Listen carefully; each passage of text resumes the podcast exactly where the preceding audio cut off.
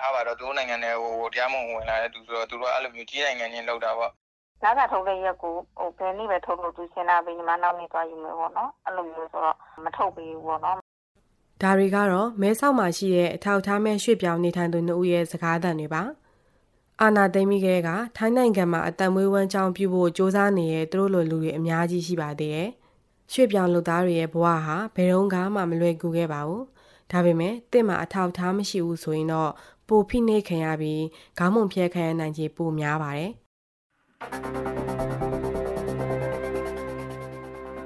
မင်္ဂလာပါရှင်မြန်မာနိုင်ငံတော်မှာရှိတဲ့လူအခွင့်အရေးနဲ့ပတ်သက်တဲ့အကြောင်းအရာတွေကိုတင်ဆက်ပေးနေတဲ့ဒိုးတန်ပတ်စင်ပေါ့ကတ်အစီအစဉ်ကနေကြိုဆိုပါရစေဒီအစီအစဉ်ကို Foundation Hero တွေကတင်ဆက်ကြဖြစ်ပါတယ်ဒီတစ်ပတ်ဆောင်းပါးကိုဒိုးအတန်ရဲ့အလွတ်တန်းသတင်းတောက်ကရေးသားတင်ဆက်ပေးထားပါတယ် ဆောင်းပါးအတွင်းလုံခြုံရေးအခြေအနေကြောင့်နာမည်တချို့ကိုပြောင်းလဲအသုံးပြုထားပါတယ်ရှင်။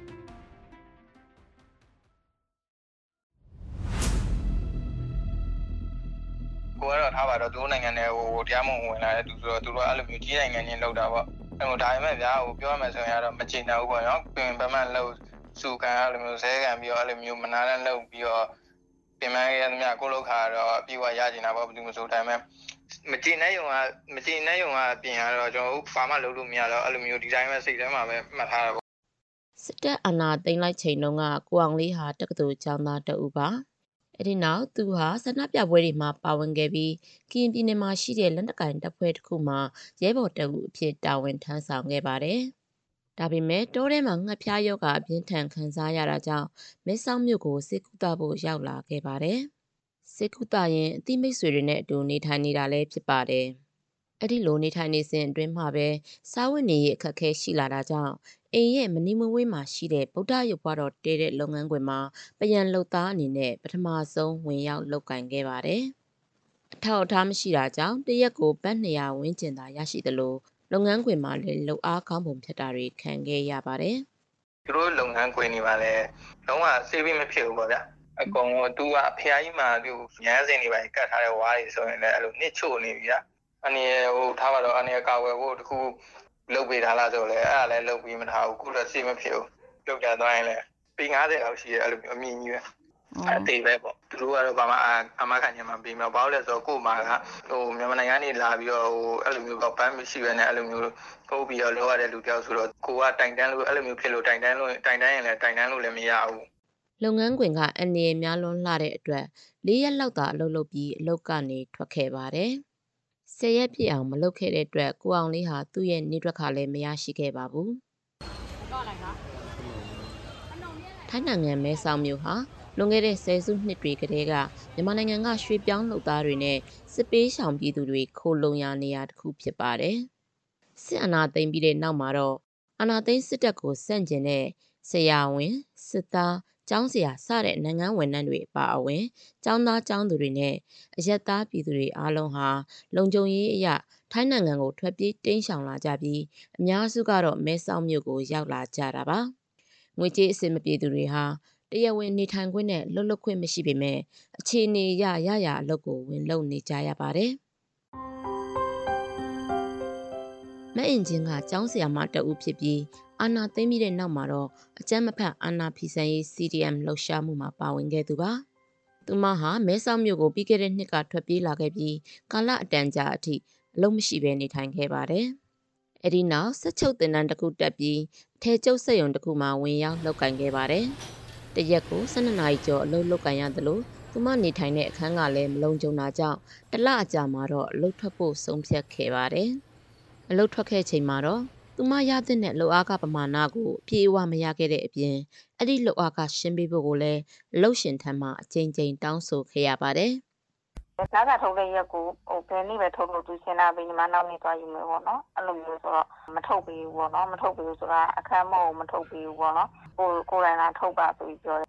အဲနောက်ရက်လာထုတ်ဆိုတော့ညီမကဘယ်ရက်လာမလဲဆိုပြီးတော့ခိန်းတော့ပေါ့နော်အဲ့လိုမျိုးအချိန်အတိအကျမပေးဘူးပေါ့နော် နောက်ပိုင်းဟိုဖုန်းဆက်လို့မရတာတွေရှိတယ်အဲကိုင်းတော့လည်းအဲ့လိုမျိုးပေါ့နော်ရက်ချင်းမပေးဘဲနဲ့ဟိုရက်ဒီရက်လှုပ်ရှုံနေလို့အဲ့လိုမျိုးတွေနဲ့ပဲအမှ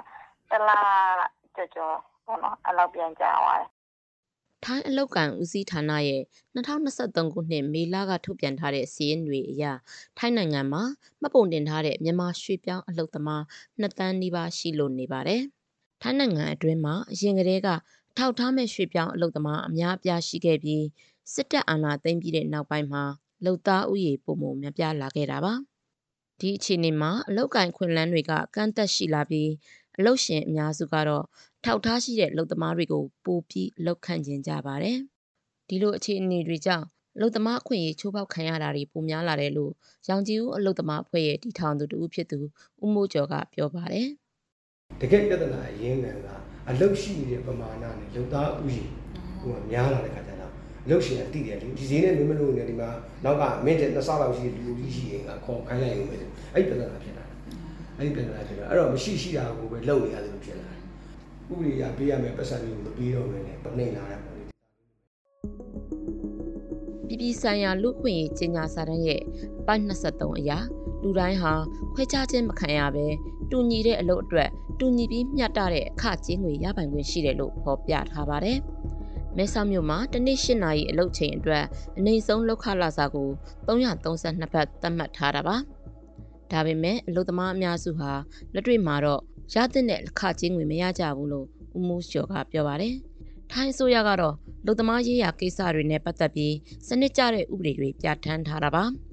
ဒါပေမဲ့အလုတ်ရှင်တွေနဲ့အာဏာပိုင်တွေဟာအဲ့ဒီစီးမြင့်ဥပဒေတွေကိုလိုက်နာဆောင်ရွက်တဲ့နေရာမှာအားနည်းမှုတွေရှိနေတယ်လို့လူသမားအရေးဆောင်ရွက်သူတွေကပြောဆိုကြပါတယ်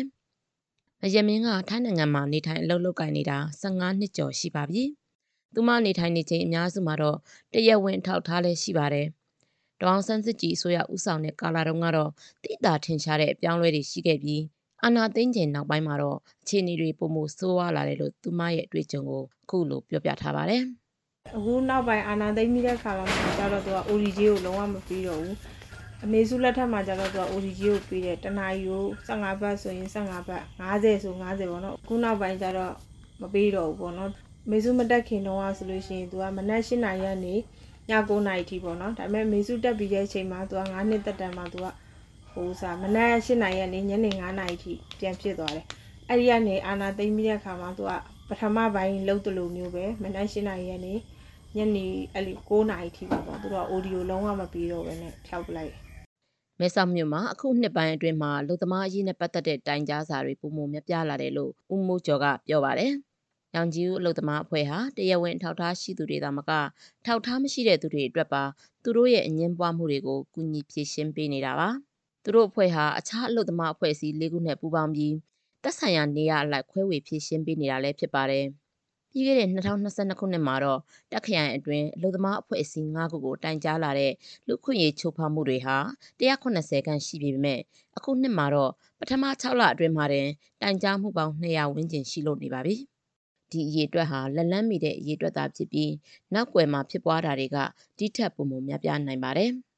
လူတိုင်းဟာငွေကြေးမတက်နိုင်တဲ့အတွက်အမှုတိုင်းကိုမတိုင်ကြားဘူးလို့ဦးမိုးကျော်ကပြောပါတယ်။အမှုရင်ဆိုင်နေတဲ့ကာလမှာကြားတော့သူအခြားလုံနဲ့လုံပြီးမှအခုဝင်ရဲရက်သွားပြီလေတစ်ဖက်မှာလည်းဒါဒီအမှုရင်ဆိုင်တစ်ဖက်မှာလည်းသူ့ရဲ့သူ့မိသားစုဘဝရည်တည်တွေအတွက်လှုပ်လှုပ်ရတဲ့အခါမှာအဲ့ဟာစင်ကုန်ချက်ပဲအဲ့ဒီအလုပ်သမားတွေကိုစိတ်ဝင်လုံနေမှာအဲ့လိုမျိုးလုပ်ငန်းရှင်တွေနဲ့ပြဿနာအတွင်းဆောင်တဲ့ကိစ္စရပ်တွေဖြစ်လာပြီအခြားသူတို့အလုပ်ငန်းရှင်များအသင်းကနေပြီးတော့နောက်ဝက်ကျမှအဲ့ဒီရဲ့တပ်ပုံကို share လုပ်လိုက်တယ်အဲ့ဒီအလုပ်သမားတွေကိုလက်မခံတော့အခြားအလုပ်ငန်းခွင်တွေက ဒီလိုအလုပ်မျိုးသူ့ရဲ့အလားတူအလုပ်မျိုးတွေကိုရှာဖို့ခက်လာတော့သူနဲ့မတင်တော်တဲ့သူမကျွမ်းကျင်တဲ့အလုပ်တွေကမှဆန်းတော်ဝါလောက်ရတော့ဝင်ဝင်မမှန်ဘူးပေါ့လက်ရှိအချိန်မှာအထောက်အထားမဲ့နေထိုင်ကြသူတွေဟာမဲဆောက်မြို့မှာအလောက်ကန်ရရှိဖို့ခက်ခဲကြသလိုတစ်ဖက်ကလည်းလုံခြုံရေးတင်းကျပ်မှုတွေကြောင့်ရရအလုပ်လုပ်ဖို့တောင်အပြည့်မထွက်ရဲဖြစ်နေကြတာပါစစ်အာဏာရှင်ကိုစန့်ကျင်တဲ့သူတွေဟာလည်းပြည်တွင်းကိုလည်းမပြန်ရဲပြေးလာတဲ့နေရာမှာလည်းအစင်မပြေနဲ့စားဝတ်နေရေးကြက်တဲနေကြပါတယ် မယမင်းကထိုင်းနိုင်ငံမှာနေထိုင်တာကြာနေပြီဖြစ်ပေမဲ့အခြားသူတွေလိုပဲမြန်မာနိုင်ငံရဲ့နိုင်ငံရေးအခြေအနေကောင်းမွန်မယ်ဆိုရင်အိမ်ပြန်ဖို့ဆန္ဒရှိနေပါတယ်သူများနိုင်ငံကိုအားကိုးနေတာတဲ့အဲ့ကိုယ်နိုင်ငံကောင်းစားမှဖြစ်မယ်ဆိုတဲ့အတွေ့အကြုံတွေကလည်းလူတိုင်းမှာရှိတယ်တိုင်းပြည်ကောင်းစားမှသူတို့ဒီဘဝကလွတ်မယ်ဆိုတာကိုသူတို့သိနေတယ်ကိုယ်စီးပွားရေးအဆင်မပြေလို့ကိုယ်နိုင်ငံကိုမပြန်နိုင်သေးဘူးဆိုရင်တော့မှသူတို့နောက်ကကြောတောင်းနောက်ခံကောင်းတဲ့အစိုးရကောင်းတရက်ပေါ်ပေါက်လာပြီဆိုရင်သူတို့သူများနိုင်ငံမှာနေရတာလဲ စိတ်ချလက်ချရှိတယ်လုံလုံခြုံခြုံနဲ့သူတို့နေရတယ်ပြီးလို့ရှိရင်သူတို့ကိုမနှိမ်ရဲဘူးဆိုတာကိုသူတို့ကကောင်းကောင်းသိတယ်ပေါ့နော်အဲ့ဒီခံစားချက်ကိုညီမလေးလည်းသိတယ်အဲ့ဒါကြောင့်မလို့ကိုယ်တိုင်းပြည်ကအရင်ပထမကောင်းမှုကအရေးကြီးတယ်ပေါ့နော်ဟိုကတိုင်းပြည်ကောင်းမှုပဲမျှော်လင့်တယ်အခုတင်ဆက်ပေးခဲ့တဲ့အစီအစဉ်ကိုနားဆင်ခဲ့ကြရလို့ကျင်းနေမယ်လို့ဒို့တန်ဖွဲ့သားတွေကမျှော်လင့်ပါတယ်ဒီအစီအစဉ်ကိုလူရှင်တွေကပံ့ပိုးကူညီထားပြီး Frontier မြန်မာနဲ့ Foundation Hero တွေကပူးပေါင်းတင်ဆက်ချတာဖြစ်ပါတယ်ဒို့အတန်အစီအစဉ်ကိုနားဆင်ပေးရတဲ့အတွက်ကျေးဇူးအထူးတင်ရှိပါတယ်ရှင်။